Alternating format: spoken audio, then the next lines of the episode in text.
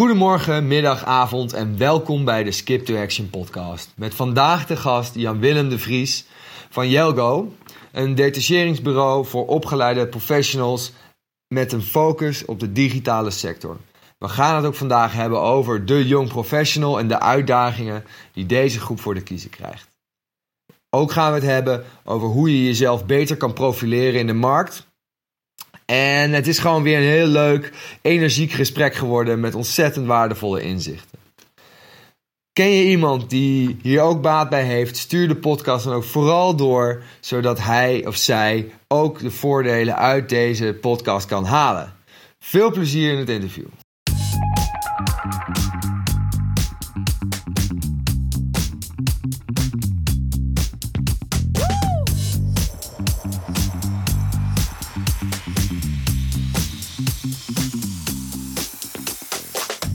Een hele goede morgen, Jan-Willem. Goedemorgen, Skip. Leuk dat je er bent. Ja, vind ik ook. Dankjewel. Toffe plek. Vandaag uh, in het NDC-kantoor. Ja, midden, midden in de maatschappij, hè? Ja. Tussen, tussen die 2 miljoen Noordelingen, toch? Dat is een beetje de ambitie ook zeker, van de NDC. Zeker, ja. Dus uh, extra goede geluidskwaliteit ook. Zeker, mooie, goede mics. Goede mics. En uh, wat leuk, jij bent van, van Jelgo. Ja. Uh, een detacheringsbureau voor uh, young professionals, vooral in de digital sector. Ja. Zeg ik dat goed? Ja, ja, young professionals, maar ook mensen die al wat verder zijn in hun carrière, zeker. Ja, ja. Cool. Kan je daar wat meer over vertellen? Ja, ja Hoe is dat dat ga ik doen. Nou, ehm, hoe is dat ontstaan? Wat ik eigenlijk al een aantal jaar geleden zag, is dat er een hoop organisaties bezig zijn met digitalisering. En de een heeft dat heel ambitieus en zit echt in een, een zware digitale transformatie, om het maar zo Mhm. te zeggen. Maar er zijn ook heel veel organisaties die merken dat ehm, de online kanalen steeds belangrijker zijn geworden in hun dienstverlening. Dus dan heb je het meer over dat een online kanaal meer primair wordt in hun eigen procesvoering. Ehm, maar ook dan eens tot de conclusie komen, of niet ineens, dat, dat groeit dan vaak wel. Ja, ja, dan kom je daar Van, achter. Ja, ik werk heel veel met een bureau samen of ik werk met freelancers samen, maar ik heb eigenlijk meer behoefte aan het creëren van eigen digital teams. Of dat nou op online marketing vlak is of Mhm. development, dat, dat zijn wel gelijk een beetje de kaders van onze dienstverlening. Het is software development, UX, eh, frontend, backend development, eh, Ja. online marketing, content marketing. Ja, Dus- veel termen trouwens. Ik heb gemerkt, we moeten even eh, af en toe... Nou, gelukkig hebben eh UX'er, hebben, heb ik gisteren, of, eh, vorige week besproken met, eh, met Sjoerd. Dus dat, eh, dat weet iedereen. dat, dat is ja, helemaal helder. maar inderdaad, content, eh, eh, creatie. eh, wat, wat moet ik daar dan onder, allemaal onder zien? Nou, ik- ga, ik, ga ik zo even wat, wat nader toelichten. Maar Ja. om, om het even rond te maken, ook voor luisteraars. Eh, er zijn veel rollen zoals je die denk ik bij online bureaus ziet. Laat ik het maar Mhm. even zo eh, samenvatten. Ja. En ik zag dus dat eh, veel organisaties de behoefte krijgen... om dergelijke rollen in hun eigen organisatie te hebben... voor langere duur, voor kortere duur. Met andere woorden, ik zag een, een, een, grote opening ontstaan... voor de- dienstverlening zoals Ja. we nu met Jelgo hebben opgestart. Vraag en aanbod. En vraag en aanbod, want er zijn heel veel organisaties... die wel al vrij snel in de gaten hadden... ik moet daar iets mee... Mhm. Ehm, maar ja, waar, waar vind ik die mensen? Eh, ik spreek hun taal niet. Eh, Ja. Ik heb bepaalde groeiambities. eh, of ik heb een bepaald expansieprogramma. Maar stel nou dat het na twee jaar wat minder aanwezig is binnen mijn organisatie. Ja, hoe kan ik dan weer afschalen? Want nou ja, met andere woorden, ik zag dus echt een, een mooie opening voor een wat meer flexibele invulling van je digital team. Eh, waarbij er ook een categorie is, en dat is heel afhankelijk van wat wil natuurlijk uiteindelijk de kandidaat zelf Mhm. maar ook de organisatie. Hè. Dus ik zag dat ook veel ruimte is voor organisaties zeggen... joh, na verloop van tijd zou ik het ook wel fijn vinden... om misschien iemand te behouden als diegene het zelf heel leuk vindt... en als wij dat heel prettig vinden. Ja, Nou, dan is dat voor ons eh, prima bespreekbaar. Ik bedoel, uiteindelijk gaat het wel om de carrière van iemand. En als die zegt, ja, ik wil hier graag blijven... ja. Nou ja, dan, dan is hij blijkbaar heel erg tevreden geweest in die, in die voorgaande periode. Dus, dus dat is hoe dat een beetje is ontstaan. ja. Ehm, Ik kan me ook nou, wel voorstellen dat de continuïteit in inderdaad social media is natuurlijk ja, heel belangrijk. Dus als je dat steeds van buitenaf moet eh, eh, halen, is dat natuurlijk ook heel, heel kostbaar. Ja, het is, ja dus zo zou je het kunnen bekijken. Maar aan de andere kant is het ook weer zo dat het wel heel vaak ook weer nieuwe impulsen met zich mee kan brengen. Hè, dus Mhm. juist omdat eh, mensen in andere branches weer bepaalde ervaring hebben opgedaan. Dus dat dat weer hele mooie impulsen zijn. Maar het is heel sterk afhankelijk van hoe je als organisatie bent ingericht. en en hoe, je, hoe je planvoering en hoe je visie ook is. Want als jij zegt, van, joh, maar ik wil voor de komende twee jaar wil ik bepaalde stappen gaan zetten en daarna loopt het weer anders. Dan is het natuurlijk een hele goede invulling om dat meer op flexibele basis te doen. Ja. Maar als je zegt, joh, ik weet dat ik met dit team echt gewoon de komende jaren wil gaan bouwen en daarin niet te veel wisselingen heb. Nou, dan is het misschien minder passend vanuit mijn dienstverlening. Ja. Ja, prima, weet je. Er zijn gelukkig ook heel veel andere mensen Ja. die daar eh, dan wel bij zouden passen. Ja, of, of hun dienstverlening in, eh, in bieden. Om, om dat zo om- op die manier te regelen. Nou, ik geloof wel heel erg inderdaad in die manier van, eh, van mensen daar, erin zetten of ook echt op kantoor zetten. Ik denk dat je Absoluut. dan als, als, eh, nou, als online marketeer of als, eh, als, als wie dan ook veel meer eh, meekrijgt van het product, van wat er gaande is. En dat je dan op die manier betere content kan creëren dan wellicht als je vanaf een afstandje kijkt en eh, dat het dan lastiger is om, om daar echt in te zitten. Ach, ik, zeg vaak van wat je aandacht geeft groeit. Dus als je iets veel aandacht kan geven, gaat het op een andere manier groeien dan wanneer je bijvoorbeeld maar een dag in de week mee aan de slag kan zijn. Ja, Maar ook dat is natuurlijk prima. Hè. Ik heb zelf een aantal jaren bij een, bij een online bureau gewerkt. En daar werd wel vaak op die manier Mhm. voor organisaties gewerkt. Ja. Kan prima zijn. Soms is het ook een kwestie van hoeveel budget is er beschikbaar. Dus dan moet je ook constateren dat er misschien niet altijd budget beschikbaar is om iemand volledig in house te hebben. Is de uitkomst anders? Ja, dat denk ik ook wel. Maar ja, Ja. dat is evident. Hè? Als, je, als je er minder budget voor kan vrijmaken, dus minder tijd hebt. ja. Ehm, en ach, dat zul je ook constateren. Soms als iemand vier dagen tijd voor iets heeft, of twee dagen. Ja, soms, soms wordt ook wel eens meer tijd genomen dan per se noodzakelijk is. ja. Dat, dat- ja, weet je, dus dat is toch heel Dat is wel interessant inderdaad. En aan de andere kant heb je natuurlijk wel inderdaad professionals die kunnen meer in één dag proppen dan eh, inderdaad iemand die nog veel moet uitzoeken, eh, achter moet halen. Ja. Die weten misschien ook beter hoe het, hoe het moet tussen aanhalingstekens. Er is natuurlijk ook niet één, één lijn van oké, zo moet het. Nou, en wat een interessante ontwikkeling is, hè, wij werken met een aantal online marketeers die bijvoorbeeld een aantal jaar bij een bureau hebben gewerkt. En die zeggen, nou, het lijkt me echt gewoon heel tof om nu een aantal jaren meer echt voor één opdrachtgever te werken. Want Ja. ik vond het zo versnipperd. Sommigen komen na één of twee jaar tot de conclusie, ik vond het toch wel heel leuk, die dynamiek Ja. van voor heel veel verschillende opdrachtgevers werken. En dat is misschien ook wel een, een interessant kenmerk voor eh, nou, veel mensen die nu op de arbeidsmarkt komen Mhm. of daar net een aantal jaren in zitten. Heel veel verkennen, heel veel eh, ervaring Ja. op van wat vind ik nou echt, wat vind ik nou leuk, wat, wat past goed bij Ja. mij. In plaats van nadenken, hè? gewoon doen. Ja, gewoon Daar- doen. ik geloof ja. daar zo, eh, ik ben daar heilig van overtuigd. Ja, Gewoon, ah, we- daar, daar ontstaat, maar dat gaan we vast nog ergens aanraken in deze, deze discussie. Er ontstaat ook dus een kloof tussen mensen die in het management zitten of eigenaar zijn van een Mhm. bedrijf, die vanuit een andere generatie eh, in het werkproces zijn geraakt. Nou, die, die moeten daar wel eens aan wennen. ja. Want ik test dit even en dan ga ik weer daar naartoe. Ja, ja, ja. Ja. Dus, dus, oh ja, zo loyaal zijn ze niet. Ach ja, zo kun je ernaar kijken. Of, of heb je mooie tijd met elkaar gehad. Ja. Dus, dus hoe steek je hem ook aan de voorkant in? Ja. ja, het is natuurlijk ook heel dubbel. Hè? Je hoeft natuurlijk ook niet meteen van eh, opdrachtgever te wisselen. Ik zat bijvoorbeeld gisteren was ik een eh, podcast aan het luisteren eh, van Wayne Parker Kent. Mhm. En daar de head van InBev, die, ehm, die vertelde dat hij eerst, toen hij daar aankwam, heeft hij twee jaar lang elke twee maanden een andere functie bekleed binnen het bedrijf. Ja. En daarna is hij pas gewoon, eh, heeft hij een keuze gemaakt van oké, dit wil ik gaan doen. Ja. Op die manier heeft hij wel alles kunnen proeven.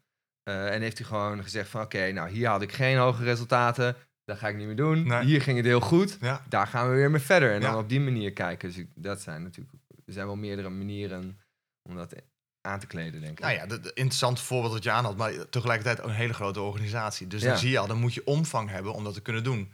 Is dat een beperking? Nou, volgens mij niet. Maar dan, dan ga je weer even na- wat meer naar de circulaire gedachte brengen. Mm. Als je dat nou met een aantal kleinere organisaties ook kan creëren. Dus dat je met elkaar zegt van jongens, eh, wij hebben vertrouwen Ja. in elkaar. We gaan met elkaar een soort van hub creëren. En we gaan ervoor zorgen dat eerst is iemand daar een paar maanden het probeert, daar een paar maanden probeert. Ja, En vervolgens wordt er zelf een keuze gemaakt. Nou, er zijn tal van dit soort initiatieven die ontstaan. Maar ik denk dat dat wel een hele positieve bijdrage is aan die behoefte die er blijkbaar is bij een, een nieuwe generatie die in de arbeidsprocessen is, eh, is ingestroomd of aan het stromen Ja. is. En zodat je dus wel aan die behoefte kan voldoen. Eh, maar dat betekent dat je dus aan de voorkant al heel duidelijk moet zeggen van ja, ik, ik weet dat mensen iets gaan proberen. En, en misschien blijven ze niet bij mij hangen. ja. Ja, dat, ja. Ja, ja, dat is wel grappig inderdaad. Nou, ik heb vooral tijdens mijn studie heel veel... eh, ik, deed, gewoon alles, weet je wel. Ging ik eerst weer fotografie doen, dan ging ik dan weer dat doen. Om dan, dan, kan het, dan is het helemaal vrij. Want Dan is het nog niet zo eh, permanent. Nee, kijk, en, eh, en wij kennen elkaar inmiddels al ietsje langer. Hè, dus ik, ik Mm. weet, hè, dus de opleiding CMD, ja, die is Ja. er ook wel heel erg op ingericht Ja. om veel dingen te proberen. Maar daar raak je ook al gelijk een interessante. Heel veel opleidingen zijn nog niet zo ingestoken. Nee, kunnen ook helemaal niet zo ingestoken worden. Ik had het er laatst over met eh, bijvoorbeeld eh, eh, medische opleidingen. Die zitten eigenlijk ramvol Ja. met dingen die gewoon moeten. Ja. Nou, eigen invulling. Ja, eh, past niet. Nee. Dus hoe gaan we dat oplossen? Ja. Ja, eh, En eh, het is wel grappig. eh, een hele goede vriend van mij, die heeft eh, zes jaar lang psychologie gestudeerd. Mhm. Daarna nog eh, master eh, neuropsychologie. En eh, die kwam eigenlijk in, helemaal aan het einde erachter dat hij het helemaal niet leuk vond om eh, in gesprek te gaan met mensen waar hij helemaal niet achter stond. Nee. Gewoon omdat het alleen maar theorie is geweest. Dat is toch ongelooflijk. En toen, Ja. eh, dus die, die zat echt eventjes, die denkt, fuck jongen, wat moet ik nou gaan doen? Ja. Hier heb ik gewoon zes Nee. jaar van mijn leven in geïnvesteerd. Ja, met andere woorden, hoe ga je proberen wat die agile gedachten ook in, in opleiding aan Ja. te krijgen? En ik denk wel dat er meer ontwikkelingen al zijn op dat gebied. Als je hem even wat, wat, wat Mhm. nou ja, abstracter maakt. Hè? Bijvoorbeeld HBO-opleiding met minors bij verschillende opleidingsinstituten. Ja, Kijken van hey, hoe gaat het daar? MBO-onderwijs was nog niet zo ver. Komt gelukkig nu ook wat meer in die flow. Hè, zodat Mhm. je dus al wat meer krijgt. Hè? Dus als je bijvoorbeeld een... eh, als, als werktuigbouwkundige wordt opgeleid en je denkt, ja, maar ik zou toch eens die cursus wijnproef willen doen. En dan ineens constateert, yo, ik zou finoloog moeten worden. ja. Dat, dat zou je nu al iets meer kunnen opzoeken. Beetje vergezocht wellicht, Ja, ja, maar ja, aan de andere kant, waarom je niet? Hè, maar, maar als dat dus totaal niet zo is ingericht en je dat niet kan proberen, ja, dan, dan wordt het wel heel lastig. Ja. En dan moet je maar hopen dat hij de goede keuze heeft gemaakt. Juist. En, als het, Juist. en, en je hoopt, ja, en je weet het niet zeker, tot het einde. Ja. Nee. En, en nou, dat is wel interessant, dus de juiste keuze maken. Ik denk Mhm. dat er voorheen, en dan hebben we misschien over uh, tientallen jaren geleden, werd er veel meer een keuze voor langere tijd gemaakt. Helemaal als je kijkt naar werkgevers bijvoorbeeld. Ja. Ja, nou ja, dat, is bijna, dat zijn de oude voor. Ik mag de voorbeelden bijna niet eens meer aanhalen, dus dat, dat doe ik dan ook maar niet meer. Dus laat ik me even nu eh, Ja, je mag, brengen in het hier en nu. Dus Ja. laat ik het zeggen, wat, wat constateren we nu best wel veel? Hoge burn-out, eh Ja. eh, hoge burn-out gehalte onder heel veel jonge mensen. Er is een nieuwe term, hè? Quarter life crisis. Die hoor je ook steeds Nou, vaker. absoluut. Maar Wat de fuck moet ik? Ja, er is, maar er is ook zoveel. Ja, maar ik denk dat dat er enerzijds mee te maken heeft. Maar ik denk dat er ook een ander component is wat heel bepalend is. Is Mhm. je wordt nu opgevoed in een bepaalde sfeer vanuit bepaalde nou, economische hoogconjunctuur. Dus dat speelt sowieso mee. Maar ook vanuit bepaalde, nou hoe moet ik dat eens even zeggen? Eh, je staat wel centraal als kind. Nou, daar kun je van Mhm. alles van vinden. En ik weet dat sommige oude mensen dan zeggen, ja, we verwennen ze te veel. Ja, nou ja, je hebt meer op een andere manier oog voor de behoeften van een kind. Nou, als je dat even doortrekt en dan heeft iemand zijn opleiding doorlopen. Ja. En dan gaat hij aan het werk. En die denkt van jongens, ik ga die boardrooms eens even opentrappen. Want ik zit boordevol goede ideeën. Want ik ben heel erg gevoed hè, in, in mijn opvoeding en tijdens de ja, ik opleiding. mag er zijn. ik mag er en, zijn. ik heb eh, heel veel dingen geprobeerd. Dus ja. dan, dan kom je heel er binnen. kennis. En dan, ik ga, ik chargeer. Maar goed, dat is altijd voor het verhaal even net iets leuker. Ja. Dan zit daar denk ik toch, nou, misschien wel 80% op managementfuncties, op directiefuncties. Die dan toch wel zegt, of vanuit een Ja. andere generatie daar kijkt. Ja, moet je misschien je eerst nog even bewijzen. Ga je eerst maar eens even een track record halen. Ja. En dames en heren, dat geldt echt niet voor iedereen. Dat, dat snap ik. Maar ik denk in, Nou. in grote gevallen dat het wel aanwezig is. Of als er grote compliance afdelingen zijn die heel bepalend zijn in hoe processen moeten verlopen. Ja. Als je dan dus die ene groep afzet die dat hele vrije zoekt en denkt van jongens, ik ga mijn ideeën met, met iedereen nou, delen waarvan Ja. ik denk dat is goed dat ze het weten. Versus, yo, eh, ik praat niet zomaar met de baas. Of, eh, eh, toch? Zulke, ja, in dus, ieder dus- geval. Dus, je ziet daar wel iets ja. stuk lopen ook. Enerzijds van ja, er is zoveel keuzevrijheid. Maar ook, ik, ik vind dus niet de aansluiting van wat ik eigenlijk had verwacht te kunnen vinden. Als ik aan het werk ga. In relatie tot hoe de praktijk dan is. En, en ik zie daar dus ook echt wel iets ontstaan. En het interessante is, er is een categorie manager of eigenaren die zegt... Ik zie dat ik met heel veel millennials, centennials werk. Want dat past heel goed bij mijn doelgroep. Ja. Super. Dus er wordt veel van dat soort mensen vanuit die generatie aangenomen. Tegelijkertijd kun je dan op twee manieren daarmee omgaan. Zeggen van, ik ga ervoor zorgen dat ze wel in gedrag gaan veranderen. Mhm. Ain't gonna happen. Laat dat maar los. Ga je niet veranderen. Ja. Ehm, dus kijk dan vooral naar jezelf als, als, als teamleider, manager, werkgever. van een organisatie. Hoe ga ik er dan mee om? Want dit is dus blijkbaar wel een generatie die super waardevol is voor de, de continuïteit of de groei van mijn bedrijf. Mhm. Of de creativiteit in het ontwikkelen van nieuwe diensten of Ja. producten. Ja, en je moet extra je best doen dan. Ja, Om ze ook bij je te houden. juist. Ja, maar de, de vraag is dus ook, moet je dat dus voorop gaan stellen? Of moet je constateren, ik ga hopelijk een mooie tijd met deze mensen beleven. We gaan over en weer elkaar wat brengen. Mhm. En op het moment dat dat blijkbaar niet meer in balans is, gaat iemand weer iets anders doen. Ja. Of zeg ik van, hé, hey, diegene past niet meer bij mijn organisatie. Later.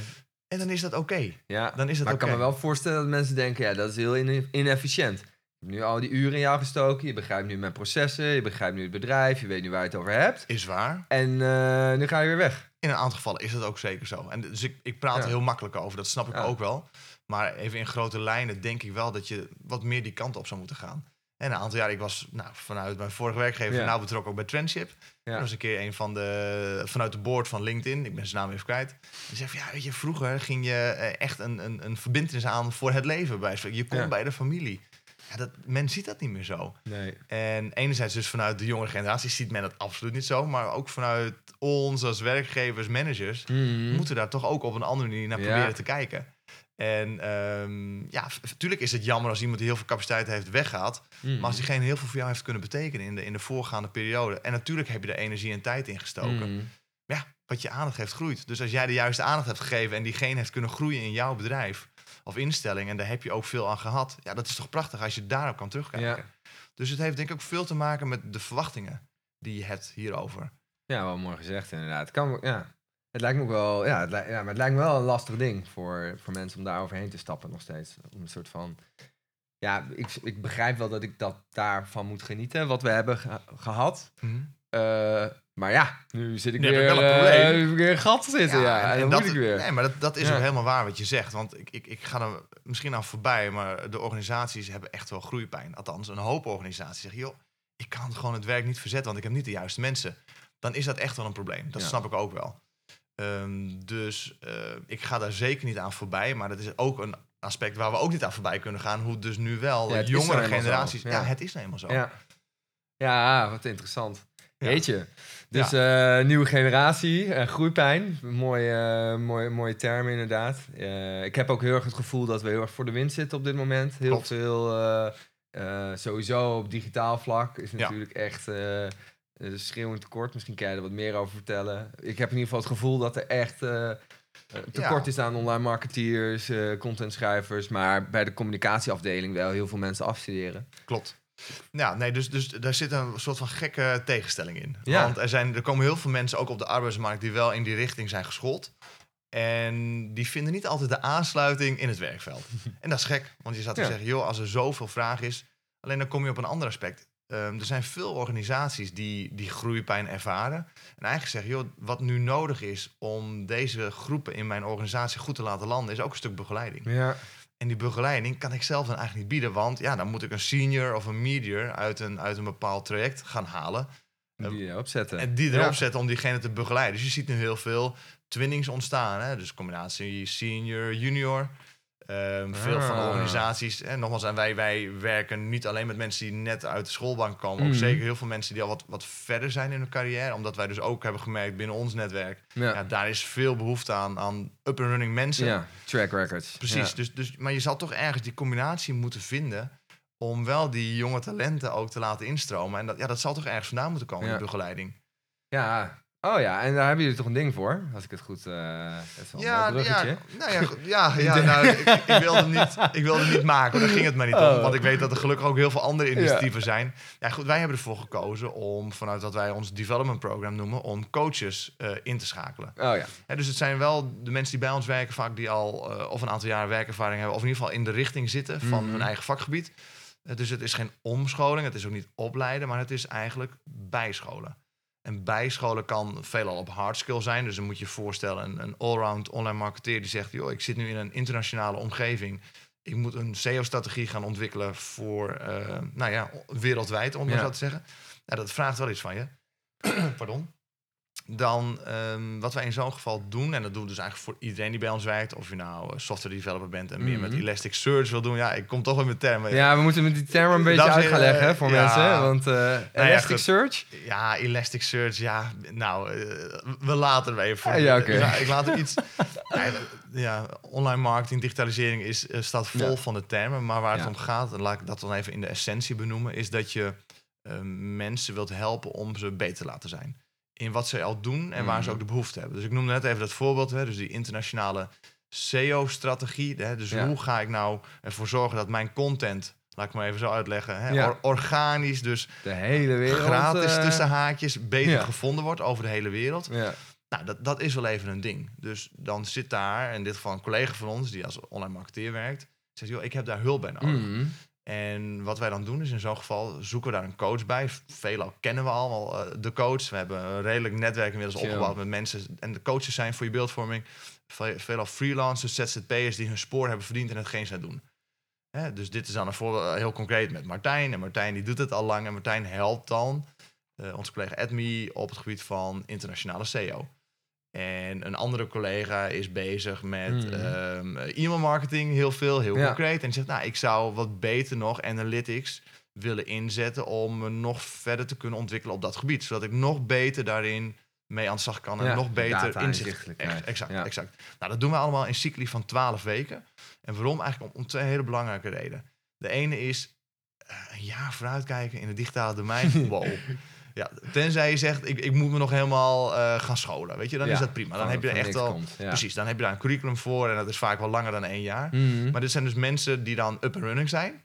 eh, die dus gelijk ook aan de slag zijn of zijn geweest. En die hebben wel die behoefte, maar niet per se om een jaar vooruit te kijken. Want dat is gewoon heel ver weg. Ja. Het is gewoon heel ver weg om een jaar of twee jaar vooruit te kijken. De wereld ziet er vaak anders uit. Ja, sowieso. Als ik ook elk, als ik elk jaar terugkijk, dan heb ik elk jaar een soort van totaal ander leven eh, van het vorige jaar. Maar Ik toevallig... denk dat jij er ook een extreem voorbeeld bent, Skip. Maar Eh, nou is, ja, eh, nee, maar toevallig had ik daar gisteren ook over met een collega hier. want ik, ja, ik draai nu ook drie dagen bij, bij NDC. En die Ja. werkt gewoon 15 jaar hier bij NDC. Ja. Ja. Ja. Dat kan ik echt niet voorstellen. Die, Nee. zit, ja, en die zei, die, die is hier nog bezig geweest, vertelde die met, met knippen en plakken. Ja, fantastisch. Dit is toch 15 jaar? Ongelooflijk. Ja, Ja. ik stond er echt te kijken. Maar ja, maar En die zal ook de nodige ontwikkeling hebben meegemaakt. Mhm. Dus maar net even in welke, Zeker. welke sector, welke branche ben je actief? Nou, als we dan kijken naar de branche waarin wij dan beide actief zijn, laat ik Ja. het maar zo zeggen. Dan zie je dat een jaar vooruitkijken soms ver weg is. mhm. Nou, dus dat is één aspect waardoor wij hebben gezegd... we gaan het gewoon in cycli, sprints, eh, opknippen van 12 weken. Overzichtelijk, heel concreet. Mhm. En, en nou, benoemen is dus dat je over 12 weken wil kunnen. Nou, dat is prima. Weet je, dat is heel goed te doen. Dus, Ja, dus dat is een belangrijke Ja, reden. Vet, mooi. Tweede reden waarom we dat ook doen, is dat wij merken dat een hoop mensen... We hadden het even over, er, er is zoveel te doen. Ja. Met, met heel veel dingen bezig zijn. Dat, Mhm. dat kan eh, werkgerelateerd zijn, dat kan met sporten te maken hebben, dat kan met allerlei nevenactiviteiten te maken hebben. Maar ook bijvoorbeeld omdat je simpelweg een gezin hebt. Ja. Je zegt van joh, ik, ik ben nu gestart met een nieuwe baan. Via Jelgo in dit geval, of via een hele andere organisatie, Mhm. whatever. Soms heb je even genoeg aan de dingen die op dat moment in je leven zijn. Dus je hebt je nieuwe baan, je hebt eh, een gezin, je hebt je sporten.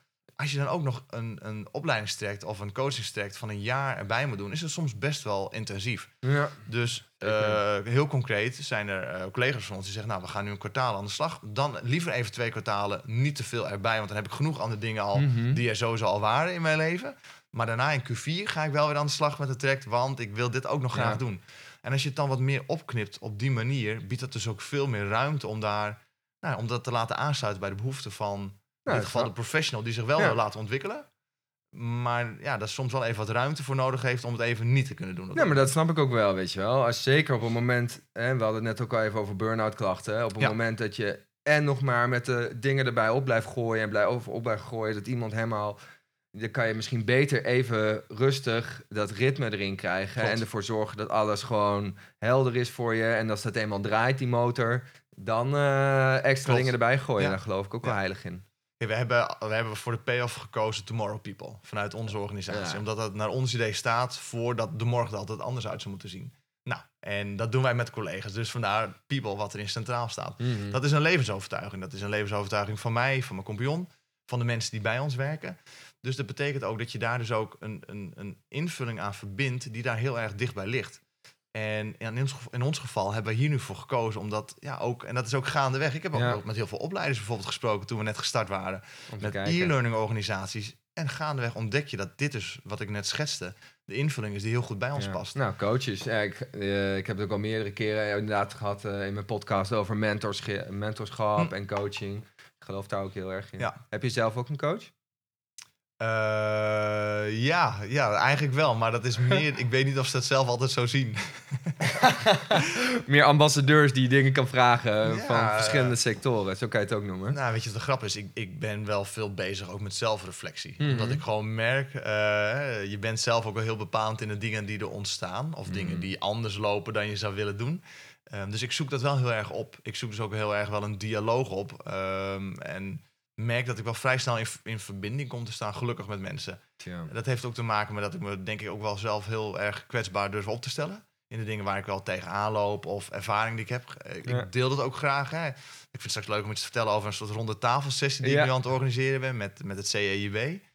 Om, om weer kennis te, te delen en weer ervoor te zorgen dat de mensen met elkaar in verbinding komen te staan. Maar als dat dus blijkbaar ook een overtuiging is, want in mijn geval is dat zo, ehm, zie je dus dat er dus automatisch wel een soort van coaching ontstaat als je dus de elementen eruit kan pikken Ja. die andere mensen jou vertellen. Ja, en ook blijf vragen. En ik denk En ook, ook dat die open, open ja. houding ja, Ja. daar echt heel erg in helpt. Ik denk ook dat ik je, dat je daarom ook heel goed met je kan. Inderdaad, omdat je daar, ehm daardoor door die open houding krijg je ook niet een soort van... eh eh, hey, kijk mij, wij hebben allemaal eh, op banen, eh, kijk ons even cool zijn. Maar gewoon heel benaderbaar, open persoon. Ik denk dat dat ook wel...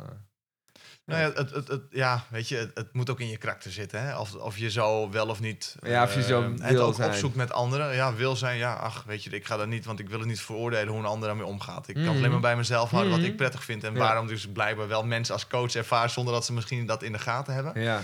Wat ik wel merk in zijn algemeenheid. En dan, dan nou, ach, laten we gewoon even alles bij de kop hebben. Hè? We hebben toch een uur. Circulariteit, Mhm. eh, ecosystemen. Hè? Ecosystemen om, om ervoor te zorgen dat andere mensen ook iets kunnen leren van een ander. Het is gewoon cruciaal om toch nu wel dingen gedaan te krijgen en een bepaalde verandering terecht te brengen. En dus gisteren eh, heeft een van mijn compagnons een, een seminar georganiseerd over circulariteit. Nou, ik, ik had daar een rol in, ik mocht daar een bijdrage aan leveren. Vet. Dus ik heb me ook heel veel ingelezen in dat onderwerp. ehm, veel met mensen erover gesproken in de aanloop er naartoe. En wat je eigenlijk toch wel weer ziet, en dat kun je over heel veel patronen heen leggen, is eh, in plaats van lineair denken, eh, dus veel vanuit mezelf en vanuit die, die traditionele keten zoals die er is, meer naar circulair gaan denken. En circulair gaan denken betekent Ja, toch dat je nou, ik bedoel daarmee dat je ook wel. ehm, eh, het, het stopt niet bij jouw eigen dienstverlening, bij wijze van spreken. Maar hoe kun je Mhm. bijvoorbeeld jouw eigen restproducten of afvalproducten weer gaan inzetten, zodat een ander daar weer iets mee kan doen om vervolgens iets nieuws op te Ja. starten. En de enige manier, geloof ik wel, om dat eh, voor elkaar te krijgen, is om met elkaar in gesprek te gaan. En dus ook te zeggen, dus dat, dat sowieso te zien van jongens, als we iets willen, dan, dan moeten we blijkbaar die verbinding gaan opzoeken, maar dat dan ook daadwerkelijk gaan doen. En ik ga wel een concreet voorbeeld noemen, want anders dan blijft het Ja, zweven. ja, ja, ja, dat is wel grappig trouwens. Ik, eh, ik ben me trouwens meteen triggered. Ik moet de, de 30ste ben ik ook gevraagd voor een evenement. Feeding the Future. Het gaat eigenlijk. Precie- Volgens mij is het bijna hetzelfde. Het gaat ook over, maar dan wel meer een etensector. En eh, eh, inderdaad, dus ik moet straks ook Nou, interviews doen met eten. mensen over, over catering eh, die dat op super circulair doen. En, Ik ga, eh, je- ik ga je direct een voorbeeld Nice, geven. ja. Hij kwam gisteren naar voren, oesterzwammen. Ja, oh, daar kan je veel mee. Daar kan je heel veel mee, Ja. maar eh, hoe kun je ze kweken? Eh, oh, koffiedik. Juist.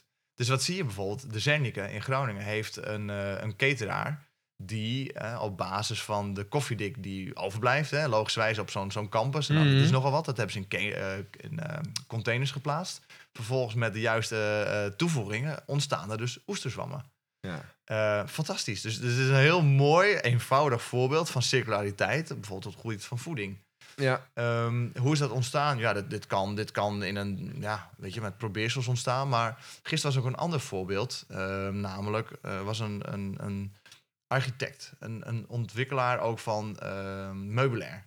Mhm. En die heeft een hele mooie, ja, ach, mooi. Ik vond het een hele mooie tafel. Essenhout, van Ja. essenhout gebruikt in Mhm. combinatie met kokers van eh, folie die Fokker gebruikt eh, in haar productie in Hoogveen.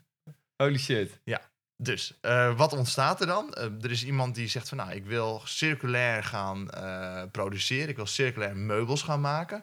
Daarvoor heb ik dus toeleveranciers nodig die daar een, een rol in kunnen gaan spelen. Dus met Mhm. andere woorden, ik, ik moet dat gaan opzoeken. Ik moet dus die verbinding gaan opzoeken Ja. met andere organisaties, omdat ik gewoon materiaal nodig heb.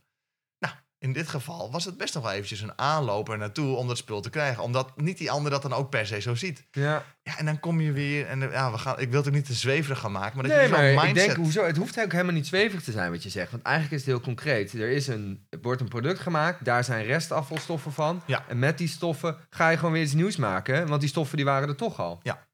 Toch? Ja, eigenlijk ja, klopt. Nee, dat zo, is zo zweverig. eh, het ja, toch? Nee, Het maar, valt maar het is dus, eh, wat heb je dus wel nodig? Is aan de, aan de Ja. andere kant een organisatie zegt... joh, dan ga ik het eventjes verzamelen... en dan ga ik ervoor zorgen dat het dan klaar staat... en dan kun je het heel mooi gebruiken... want ik vind dat een toffe gedachte Ja. dat je daar iets mee kan. Ja, zeker. Nou, dit, dit, dit ging iets minder soepel, heb ik begrepen. Eh, maar het is uiteindelijk wel Oké, dat is ook nog ontstaan. een mooi verhaal. Ja, Ja, maar dus, het is wel ontstaan. En, en, dan, dan, en dat bedoelde ik, en daarom ben ik ook op dit onderwerp gekomen. Mhm. Als je er dus voor open staat om met elkaar die dialoog op te zoeken, dan ontstaan er dus dingen. En ehm, daar is circulariteit denk ik wel het ultieme voorbeeld van. Mhm. Ehm, digitale transformatie, dat is een ander voorbeeld. Maar wat ongelooflijk dus nodig is, is dat je wel met elkaar ideeën uitwisselt en ervaringen uitwisselt. En soms is dat best spannend, want daarbij moet je dus soms kwetsbaar opstellen. En dat, ja. dat haal ik net even aan. Ja, dat moet je wel, dat moet wel in je zitten. En als dat niet in je zit, en, maar je bent er wel met een dergelijk traject bezig, ja, dan zou ik er toch wel voor zorgen dat je mindset van Ja. fix naar groei Ja. gaat. Ja, je, je hoort het nog steeds, hè? Of de mensen die vragen dan naar feedback. En dan geef je feedback en dan lopen ze eigenlijk een beetje boos weg. En dan denk ik, wil jij wel feedback hebben? Ja. Of vraag je gewoon ik. feedback om, eh om, om Omdat soort van... zei dat je feedback moest Ja, zoiets, weet je wel. Ja. ja. Dus ik snap het ook wel. Je moet het ook echt toelaten en, Ja. in, en ook, niet, ook niet, weer niet te serieus nemen, denk ik. Want als je op alle feedback ingaat, Ja, dan word je helemaal geleefd. klopt. Dus je moet ergens die, eh, die balans vinden. Ja. In eh, wat, wat neem je mee, wat neem je niet mee. Ik denk dat balans ook wel het sleutelwoord is. Eh dit is niet geregisseerd, dames en heren, maar dat is wel heel grappig dat het zo Ja. voor. Ook in, in circulariteit of in Mhm. transformatie, balans is cruciaal. Dus je moet niet alleen maar kletsen over dingen en alleen maar in verbinding gaan staan. Je moet ook dingen gaan doen. En dan komt wel weer die, die agile methodiek naar Ja. voren. Hè? Dus, dus feitelijk in kleine stappen iets gaan proberen, iets Ja. gaan doen. Groter doel. Ja, weet je, dat, dat is wel gewoon wat cruciaal is. Dus Mhm. en het opzoeken en het zien met elkaar. En volgens wel gelijk dingen gaan doen. Want we zijn er wel in Nederland en in heel Ja. veel andere landen ster in om heel veel te praten over dingen. Nog even een vergaderingetje erbij. Ja. Nog even een eh, dit erbij. Ja. ja. En nou, om, om daar een concreet voorbeeld te noemen, ik ben nu met een aantal organisaties bezig om een ja, propositie te ontwikkelen. Dat gaat misschien te ver, maar wel om te kijken of we een organisatie kunnen gaan helpen. Waarvan Mhm. we eigenlijk al weten dat vanuit onze organisaties op andere niveaus ook al gesprekken plaatsvinden. Ah, Nou, dan kan je zeggen van oké, dat gaan we helemaal opzoeken en weten precies dan wat er speelt. Of wij gaan het ook vanuit onze toegevoegde waarde op een andere laag weer inprikken in diezelfde Mhm. organisatie. Om te kijken of we ook iets tot, gang, eh, tot stand kunnen brengen.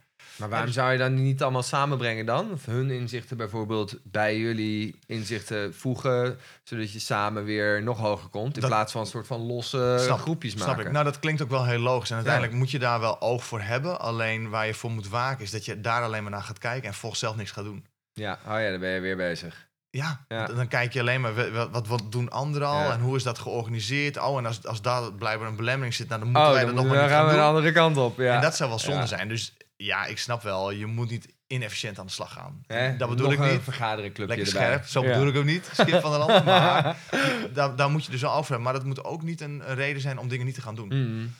En, en dat is meer mijn appel, weet je wel. Verbinden en gas geven. Ja, gewoon doen. Dingen gaan doen. Ja, je triggerde me net. Ik was wel een mooi verhaal. Eh, ik was ooit, eens stond ik op Welcome to the Village samen met een hele goede vriend van mij. En zijn Mhm. circulaire picknicktafel had hij gemaakt van eh, gerecycled plastic. Toen gingen we op Welcome to the Village. Hadden we bedacht, gaan we allemaal eh, bekertjes verzamelen.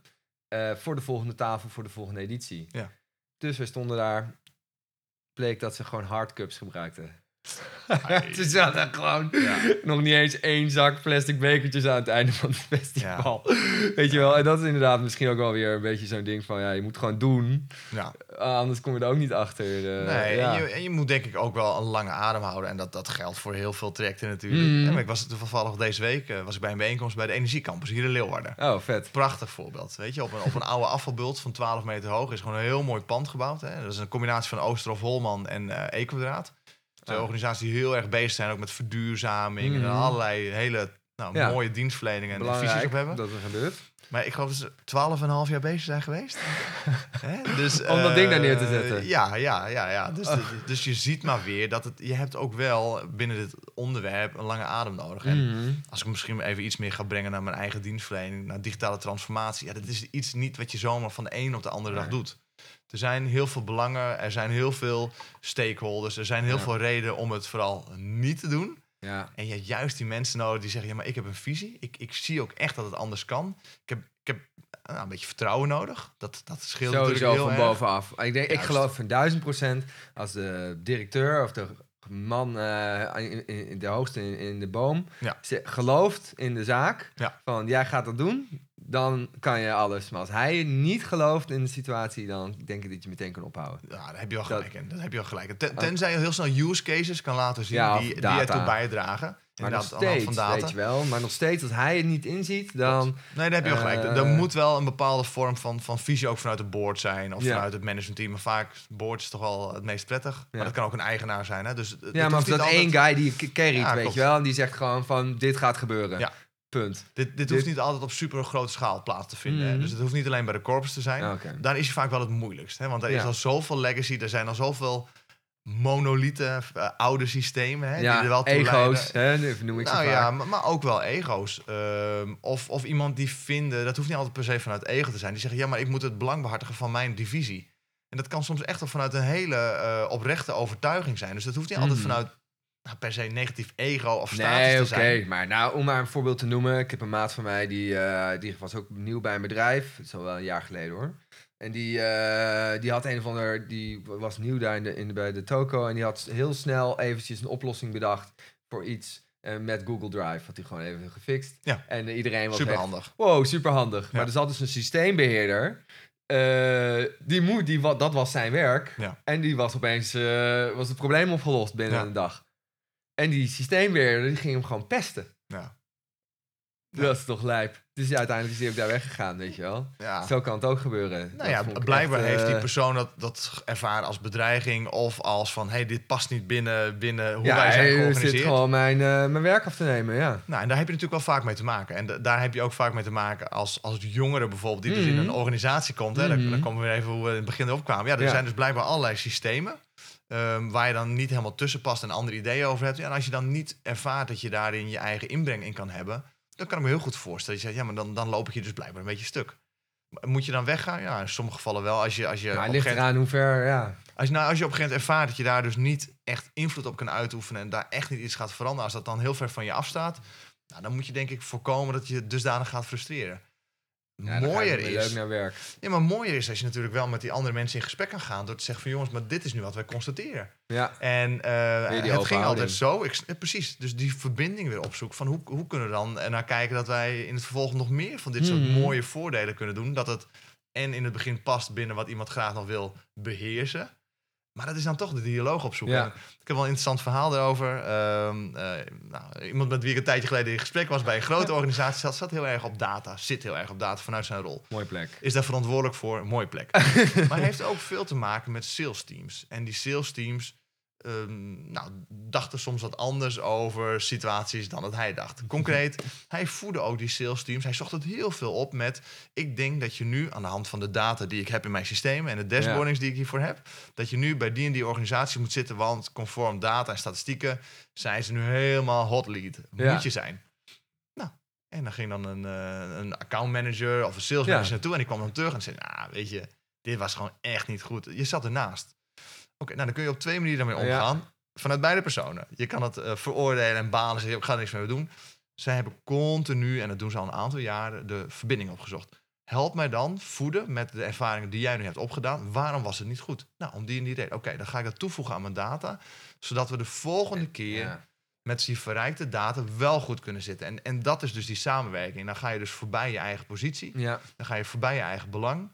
Maar dan ga je dus heel erg samenwerken. En ja, dat is zo cruciaal dat je die dialogen opzoekt. Ja. Heel anders dus dan blijkbaar het voorbeeld dat jij noemde. Dat is gewoon zonde. Want Ja, het nou, kan zeker. anders, ben ik van overtuigd. Ja, maar dat geloof ik ook wel. En dat is ook wat ik bedoelde met die directeur. eh, die gewoon een soort van hand boven je hoofd kan houden. Want sommige experimenten, de eerste tien experimenten kunnen gewoon kut zijn. Ja. Want je moet iets vinden van, oh, di- dit werkt. Ja. Hier gaan we hard op. Dit gaan we, dit gaan we verder. eh. Ja. Maar ja, als je niet die eerste, eh, dat, dat vindt, een goede, een goede piek in de data. Ja. Ja. dan, eh, dan kan het denk ik best wel eens frustrerend werken. Ja. Ook voor jezelf, maar ook voor de organisatie. Er, er moet ruimte zijn voor failures. Ja, Eh, Maar, maar ja, dat, dat, ook dat geldt weer voor elke rol. Er moet gewoon Mhm. ruimte kunnen zijn om fouten te maken. Ja, maar ook een lange adem dus, ja. Ja. Voor, om er verder mee te komen. Ja. Nou, dat is wel nou, sowieso heel waardevol, denk ik. En eh, wat ik nog wel leuk vond om met je over te hebben... we hebben natuurlijk veel eh, jonge gasten die komen van de opleiding. Ja. Eh, nou, vaak inderdaad van CMD of van communicatie. Ja. En die komen nu in de wereld. En het lijkt me heel waardevol om te hebben over wat kunnen ze nou doen om een sterk merk voor zichzelf neer te zetten. Of hoe kunnen ze zichzelf onder de aandacht brengen bij die grote corporates of nou ja, interessante spelers Ja. om op een leuke positie te komen. Ja, goede vraag. Nou, ik, ik heb een aantal voorbeelden in de afgelopen jaren ervaren. Ik denk dat je er zelf wel een, een voorbeeld van bent. Mhm. Van mensen die heel zichtbaar zijn. Nou, nu hoeft niet iedereen zichtbaar te zijn. Maar die dus blijkbaar ook al tijdens een opleiding bezig zijn met de dingen waar hun passie ligt. Is iedereen gepassioneerd? Nee. Ja, dat is een mooie vraag inderdaad. Pardon. Nee, of, ja, ja. niet, Ik- niet iedereen is gepassioneerd. Alleen er zijn denk ik wel heel veel mensen die ook bijvoorbeeld al een bepaalde bijbaan hebben, omdat dat gewoon fijn is voor extra cash. Eh, maar dat heel ver kan afstaan van hetgeen ze eigenlijk zouden willen gaan doen. Mhm. Dus ik denk, en daar zie je natuurlijk veel meer voor ontstaan. Hè? Ehm, ook de, toch wel de talentenprogramma's. En gelukkig zijn die er wel hoor. Dus er zijn ook echt wel heel veel organisaties waar je wel gelijk als, als talent kan instromen. Ja. Eh, maar ik kan me heel goed voorstellen dat als jij in de jaren daarvoor al heel actief bent binnen je eigen vakgebied. En dat kan soms zijn wellicht binnen het bedrijf van je ouders. Ik denk een heel leuk voorbeeld. Pardon. ehm, is een, eh, een collega die bij ons werkt, eh, Anjo. En die, haar ouders die hebben al een aantal jaren een, een fysieke winkel, maar ook een, Mhm. goed lopende webshop. Die is al jaren daarmee bezig. Hè. Anjo is op dit moment bij een zorgverzekeraar aan de slag. Was net afgestudeerd, maar had al dusdanig veel kennis ervaren. En daar komt hij wel weer. Dus de organisatie, de zorgverzekeraar, die zei van... joh, ik vind het prima dat iemand net is afgestudeerd. Ja. Voor mij is dat niet echt een big deal, want ik kijk ernaar wat diegene al kan. Ik kan- ja. Ja, maar dus die kant moet je dan wel mee hebben. Dus er moet dan wel oog Maar zijn wat als je voor niet wat gepassioneerd bent? Nou weet ja, wel, precies wat je net zegt. Want ik heb ook een vriendinnetje en die zegt, ja, weet je wel, eh, die kijkt naar mij en die verklaart me voor gek. Je bent de hele tijd bezig en in je vrije tijd ga je nog eens een keer eh blog zitten schrijven en dit en dat en s'avonds naar Ja. dingen.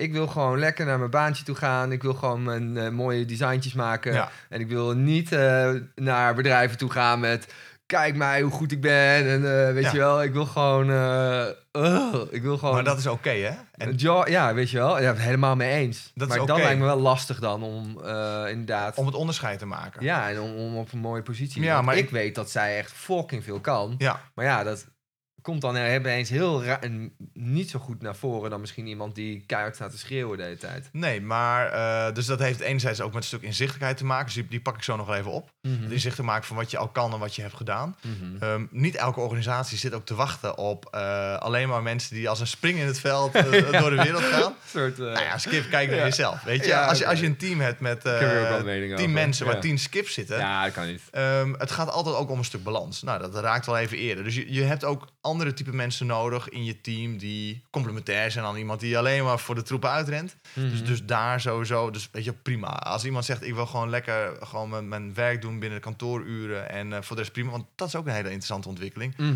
Eh, als je kijkt naar eh, jongere generaties, de balans ook tussen werk en privé. Ja, Dus totaal in de 40 war. uur werken? Nou, ik, ik stel ook altijd de vraag, hoeveel uur wil je werken? Dat vraag ik ook aan iedereen, ook, ook Ja. iemand die al acht jaar in het vak zit.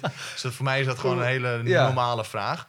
Maar ik zie wel dat daar ook heel verschil is tussen iemand die ehm, eh, al jarenlang in het werkveld zit en bijvoorbeeld altijd gewend is om fulltime te werken en dat prima vindt, versus ehm, nou, iemand die nu zegt, nou, ik wil max vier dagen werken, want dan kan ik op vrijdag kan ik boodschappen doen naar de kapper en dan heb ik het hele weekend Ja. lekker voor, eh, voor mijn vrienden en mijn Of familie. podcast maken of Podcast whatever. maken. Ja. Nou, even een zijstap, want ik moet wel weer even naar de kern. Anders Oh, ja. snappen mensen misschien niet meer waar ik eigenlijk naartoe wil. En dat ligt dan geheel aan mij.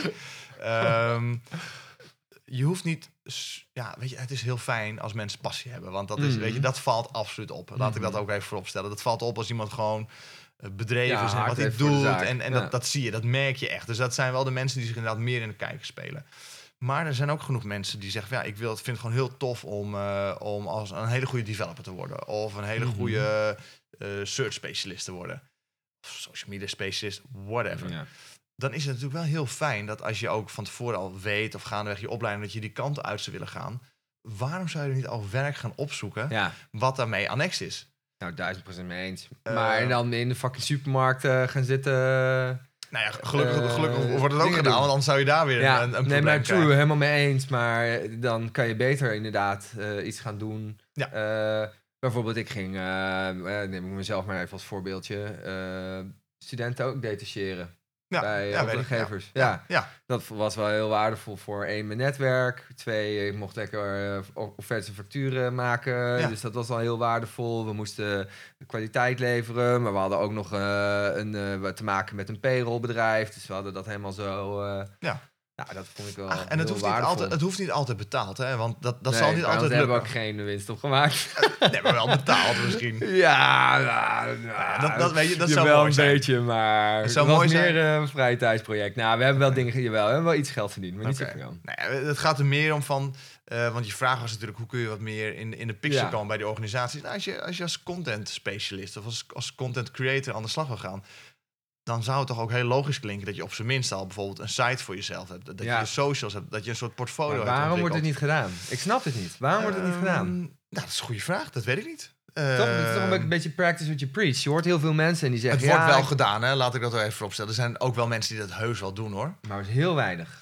Ehm, ik denk dat het meer gedaan zou kunnen worden. Laat ik het maar even zo Oké, misschien, eh, misschien eh, ja, je raakt bij mij inderdaad een ge- gevoelige snaar. Want dat zeg ik ook altijd tegen mensen. Van oké, nou laat me zien dan. Ja. Ja, En- nee, ik ben er heel goed in. Ja, ja. Oh ja? Ja, Laat me zien dan. Ehm, het je kan wel? En waarom makkelijk. niet? Weet Ja. Maar dat, dat is wel, ik denk misschien toch weer die, die agile gedachte... of de gedachte dat je, dat je heel snel iets met een prototype kan maken. Weet je, ook als developer of, of whatever het dan ook Mijn is. website is, eh, ik heb, nou ja, ik kan wel een beetje HTML, maar je hoeft niet eens meer code te kunnen. Nee.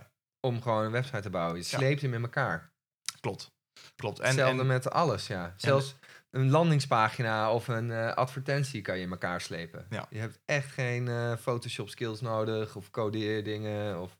nee, dus, dus wat is dan eigenlijk ja, wel mijn appel? Hè? Maak gewoon dingen ook in lijn van wat je graag zou willen doen. Ja. En ja, ja dat klinkt eigenlijk te simpel. Maar dat, dat, het is ook misschien wel soms heel En eh, simpel. ja, ik geloof hier ook heilig in. En, en, en, zo is eigenlijk ook de hele skip to action ook ontstaan. Ja. Practice what you preach, weet je wel. Ja. Alleen ik denk eh, wat wel heel bepalend is, is dat nogmaals, er is een categorie die eh, zichzelf wel beter te profileren. Hè, dus zichzelf beter weet te profileren. Die vanuit een bepaalde passie iets doet. Ja, weet je, die, die zijn veel meer zichtbaar. En nogmaals, eh, het hoeft ook niet altijd alleen maar op die manier. Nee. Want dan, er is, er is heel veel ruimte voor diversiteit. Mhm. Alleen het is wel een markt waarbij je jezelf, ook zonder dat je dus al heel lang een diploma op zak hebt, wel een hele toffe baan gelijk ook in de, in de, in de wacht kan slepen. Als je al mooie dingen hebt gedaan, Ja. als je al hebt laten zien. Misschien zelfs nog wel belangrijker. Ja, dat denk ik wel. Zeker als je ook kijkt naar... eh, je hebt ook natuurlijk nog media entertainment management en communicatie inderdaad. Ah, dat is nog heel traditioneel. Daar krijg je allemaal nog hè, Giondini boek over invloed. eh, nou, ga daar maar leren en eh krijg je daar huiswerk van. Ja. Terwijl je eigenlijk maar twee, eh, één les, hele basis eh, Photoshop, hele basis eh, web. Terwijl je eigenlijk je dat veel harder nodig hebt op het moment dat je afstudeert, Ja. dan dat je ehm, het Giordini boek hebt. Ja. Nou, of een ander interessant voorbeeld. Hè? ehm, eh, mensen die in overheidsland werken, dus veel bijvoorbeeld op, op communicatierollen hebben gezeten. Niet per definitie heel veel met marketing bezig Mhm. waren. Of ook nog niet heel veel bezig waren met online kanalen. Ik zie daar wel een shift ontstaan. Ik spreek ook mensen die zeggen: Goh, ja, ik zou, ik zou wat meer toch die omslag moeten maken. Ik zou misschien moeten laten omscholen. Terwijl Ja. ik dan ook wel zeg: maar wat weerhoudt je ervan om nu al bepaalde dingen op te pakken? Al is het alleen nog voor jezelf. Ja, Hè, je, je kan heel simpel, ja, maar ik weet niet precies waar ik moet beginnen, is soms dan wel een veel gehoord antwoord. ja, Het is niet per definitie heel moeilijk. nee. Want- Sowieso een minimal viable eh, Exact. eh, ding. Gewoon een post. Ja, Begin maar daar maar eens mee. nee, dat klopt. Maar dat is, ehm, wat is je achtergrond? In welke omgeving werk je en ben je opgeleid? Ja, als je, als je niet die context kent van agile werken, MVP's, Ja. dan is dat Oh ja, dan- minimal viable product. Ja. juist, ja. Die- Minimal viable product. ja, ja. ja, jij het vanuit, je- ik denk, ik kort hem maar weer even af. Ja, maar anders, eh, worden, anders begrijpen mensen niet meer Nee, het over maar met andere woorden, hè, met, met, met iets, met doen, een prototype, ga maar doen. En als het er eenmaal is, ga je dan vanuit testen, vanuit gesprek met anderen het beter doen. Ja, dat heeft misschien ook wel met een bepaalde angst soms te maken. Van, Ja. ja, doe, doe ik het dan wel goed? Ja, en, je, en je, je, dat kwetsbaar opstellen, eh, je stelt je dan opeens heel kwetsbaar op. Ja. Ik had ook een hele goede vriend van mij, eh, Mark, die heeft een hele lange tijd moeite gehad met een eh, vette baan vinden in UX. Eh, want, nou, en hij was, hij was niet iemand die gaat zeggen, nou oké, dan word ik wel gewoon back-end developer. Nee, front-end development, user experience. Ja. En op een gegeven moment hebben we toen ook gezegd van, yo, ehm, beter ga je gewoon random designs die je denkt beter te kunnen, gewoon redesignen en posten op LinkedIn. Ja. Dat heeft hij een paar keer gedaan en heeft hij ontzettend mooie eh, feedback op gekregen van mensen. En mensen vonden het echt leuk dat hij dat aan het doen is. En Ja. op zo'n manier, en hij is natuurlijk, hij is totaal niet een persoon wat eh, voor de troepen uitrent en kaart Nee. staat te schreeuwen. Maar het heeft hem wel, denk ik, geholpen om be- beter zichtbaar te Ja, zijn. hij, heeft, hij heeft toch wel weer die verbinding opgezocht door ze ook wel weer kwetsbaar op te stellen. Ja. En dat is wel een heel mooi voorbeeld. Ik, ik ben zelf eh, nou, actiever als het gaat om video, bijvoorbeeld op LinkedIn. Eh, ligt dicht bij mij. Het moet ook bij je liggen. Ik, ik Ja. vind dat, ik vind En dat daarom leuk om te doen. podcast. Eh, nou, misschien wel, ja. Want ik hou gewoon van praten, ja. Ja, ja nee, maar ik, ik hou daarvan. Ik hou ervan praten. Maar ik weet dat de dingen die ik nu maak Ja. echt beter kunnen. Dus je kan twee dingen doen. Ik kan wachten tot ik inderdaad die microfoon heb besteld. Dat ik precies weet hoe ik altijd ondertiteling erbij ga doen. Of ik ga eerst los. En dan moet je altijd wel die afweging maken. Is het, is het wel oké genoeg? Hè? Dat is net als met zo'n minimal viable product. Je moet wel weten dat het in ieder geval Mhm. bepaalde voorwaarden voldoet. Dus dat mensen je in ieder geval moeten kunnen verstaan. Ja. En dat Ja, het dat beeld niet heen en weer gaat. Uh, maar er zijn heel veel redenen om het nog niet te doen en om dingen uit te stellen. En op een gegeven moment denk ik wel, ja, weet je wel, uh, doe het gewoon. Uh, doe het vervolgens beter Ja. door de learnings die je krijgt. ja. Nou, En, amen. en Deze fucking podcast. Ik heb vorig jaar bij de kerst gezegd, ik ga 12 podcasts maken. Ja. Maakt niet uit wat. Dus toen ben ik gewoon begonnen. Ja. En uh, nou, nu inmiddels, uh, weet je wel, alweer een kit en dit en dat. En, de, en dan groeit het ook wel Ja. of zo. Maar dan weet je ook waar je het over hebt. En ik heb ook toen gezegd van ja, ik ga me niet vastpinnen op uh, dit formaat of zo moet het of Nee. dit thema. We gaan gewoon eerst Ja. en kijken, nou, gewoon uren maken, ja. denk ik. Nou ja, dat, dat is denk ik dan toch ook wel weer de rode draad. Op een gegeven moment moet je wel dingen gaan doen. Dus je moet wel weten wat je wil gaan doen. Eh, maar uiteindelijk moet je wel eh, dingen gaan doen. Ja, En vanuit daar het verder gaan ontwikkelen. Dus om terug te komen met je vraag, ja, ga maar dingen maken. La- laat maar dingen zien die je graag wil doen. En natuurlijk is er heel veel op af te dingen. En natuurlijk Ja. zal een ander zeggen, ja, dat is niet het niveau Ja. verwacht. Nee, Want dat hoor je ook. En dat hoor je ook altijd, hè, weer van mensen. En eh, als je dan zegt van, ik heb een geweldig idee. En dat ze dan eigenlijk al, ja, soms een beetje zeggen van, ja, ja, weet je dat wel zeker? Of uit hun eigen onzekerheid dat ook weer projecteren. Ja. Dus misschien moet je ook als luisteraar zijnde gewoon echt fucking scheid hebben. En het gewoon eh, eerst doen en dan weer allemaal mensen gaan zitten vragen van, wat vind je ervan? Ja. Eh, nou ja, om, eh, ik heb zelf ook misschien wel wel leuk om een, een persoonlijk voorbeeld te geven. Ik heb een nieuw idee voor een nieuwe podcast. Een podcast waarin, dit, dit is dan de Skip to Action podcast. En dan doe, doe ik interviews.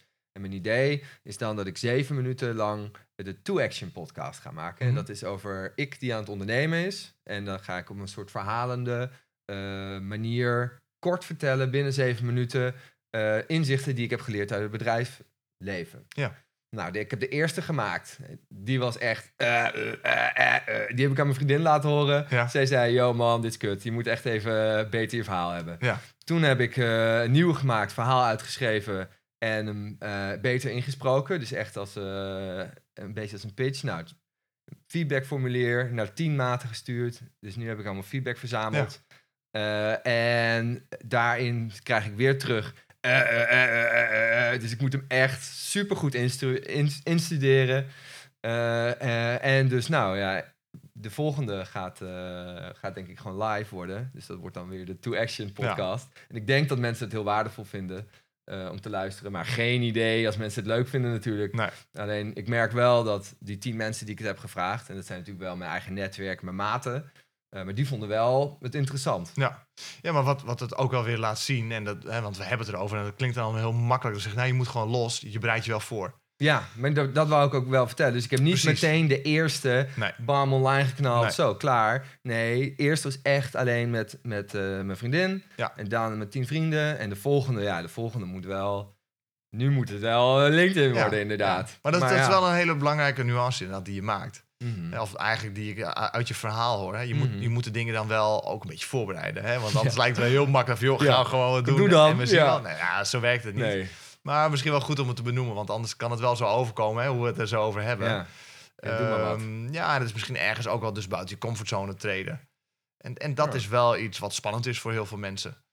Ja, ehm, daar heb je wel gewoon mee te maken. Hè? Ja. Dus, dus, Ja, maar dat is ook. En, en als je ook ergens over nadenkt, dan is het ook. Eh, dan denk, denk je ook, in ieder geval in dit voorbeeld ook, dan denk ik ook van ja, wie wil er nou weer naar mij luisteren?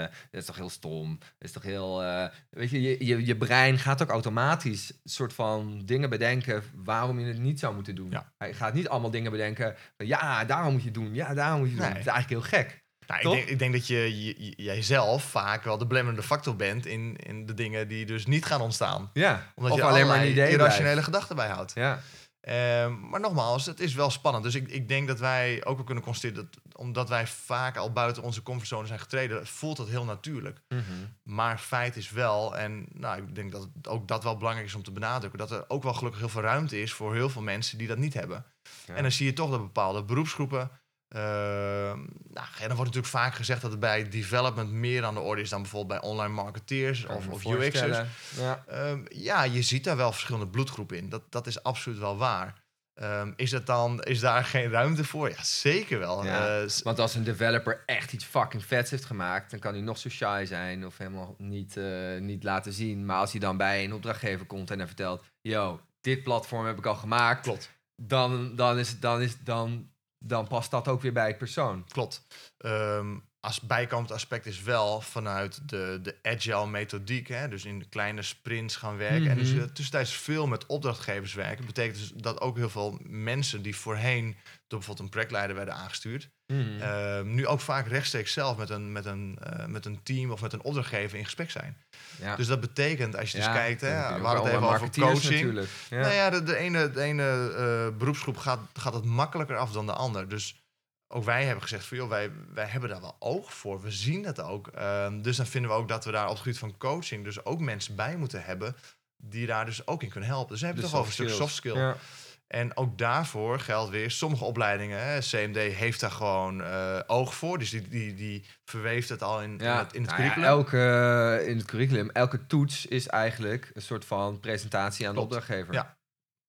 Heel veel opleidingen eh, ja. doen dat nog niet zo. maken. Ja. Of, of bestaande organisaties die zeggen we gaan meer transformeren van een, van een nou ja, eh, meer traditionele vorm van plannen en projectmanagement naar die agile methodiek.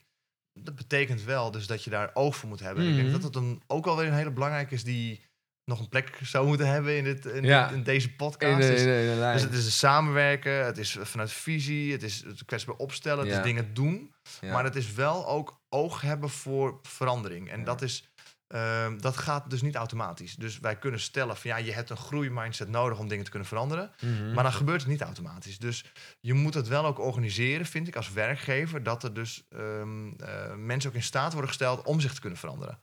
En een veilige Ja. werkomgeving is, is cruciaal. ja. Eh, maar het gaat dus niet vanzelf. Nee, misschien is ook ruimte, bijvoorbeeld, eh, eh, je hoort wel heel vaak, bijvoorbeeld een soort Future Friday, waar ze gewoon een hele vrijdag werken aan een random project, mag je naar keuze, Ja. bijvoorbeeld. Ja, en ook dan weet ik uit ervaring dat soms enige sturing daarbij wel heel prettig Ja. is. Want als je ineens moet gaan zitten op een vrijdagochtend van nou, Mhm. ga maar de hele tijd zelf iets Ja, doen. het bedrijf waar ik het over heb, die hebben het ook weer teruggetrokken en die zijn het op een andere manier gaan invliegen. Ja, en, maar weet je, en dat is wel het mooie, ze hebben het wel gedaan. ja. En teruggetrokken, ik hoop dat ze een tussenvorm hebben gevonden. Ja, ja, waarbij ze zeiden, hé, maar dit past dus wel. Dus, dus het, het roekzichtloos omdraaien van, oké, dit was het traditioneel, zo zou het moeten zijn. Ja, dat, dat, is, dat is vaak iets te heftig. Mhm. Ehm, en soms moet je dat ervaren pas achteraf. Prima, als je wel weer tijdig anticipeert. Maar dat is dus wel oog is ook voor die transitie en oog is voor die verandering. ja, En daar dus ook mensen in begeleid gaan worden. Want uit zichzelf gaat het niet gebeuren. nee, amen. Amen. Dat moet Mooi. eh, gebeuren. We hebben nog een paar minuten. Heb je, heb je nog iets vergeten te vragen? Wat je denkt van, nou, dat... eh, Wat ik nog heel graag zou willen vertellen. ja, wil je nog iets... eh, Ehm, ja, jeetje, we hebben al zoveel bij de kop gehad. Ik, ik, Ja, hoop wel, dat, dat, dat de luisteraars wel een soort van eh, rode draad hier Ja. en daar eruit kunnen pikken. Want het is, eh, we hebben het over veel onderwerpen gehad. mhm. Eh, maar je ziet dus ook, en dat is denk ik wat interessant, je ziet heel veel parallellen gebeuren. In, nou, we noemen het al, hè, circulariteit, digitale transformatie en ehm, in zijn algemeenheid, ach, en dat maakt ook het leven wat aangenamer en wat makkelijker. Zorg ervoor dat je met elkaar in verbinding staat. Dat is, Ja. dat is misschien wij, ja, mijn, en sta mijn- open voor feedback. ja, sta ook voor feedback. Weet je, het gaat niet over jou als persoon. Het gaat over de dingen die je hebt gedaan en die je graag wilt veranderen. Ehm, en dus ook tegelijkertijd een oproep aan de ontvanger. Als iemand dat aan jou vraagt, stelt zich heel kwetsbaar op. Heb daar ook oog voor. Want diegene heeft misschien wel een ongelooflijke drempel moeten overstappen om die feedback te Ja. vragen. Dus, dus heb daar ook respect voor.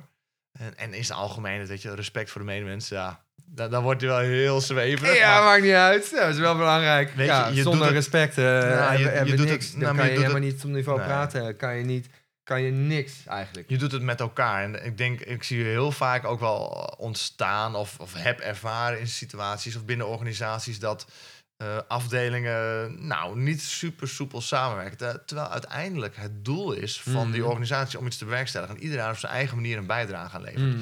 En als je dat op een gegeven moment weer voor ogen kan houden en kan zeggen van oké, maar jongens, we- we doen dit allemaal omdat we iets willen bereiken als bedrijf of whatever, als Mhm. organisatie.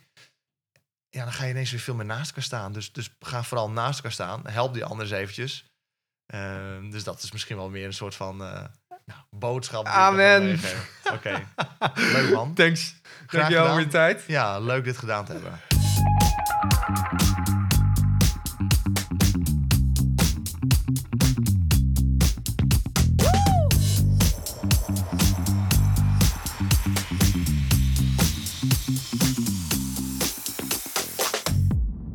En je hebt alweer het einde gehaald van de podcast. Vond je het waardevol?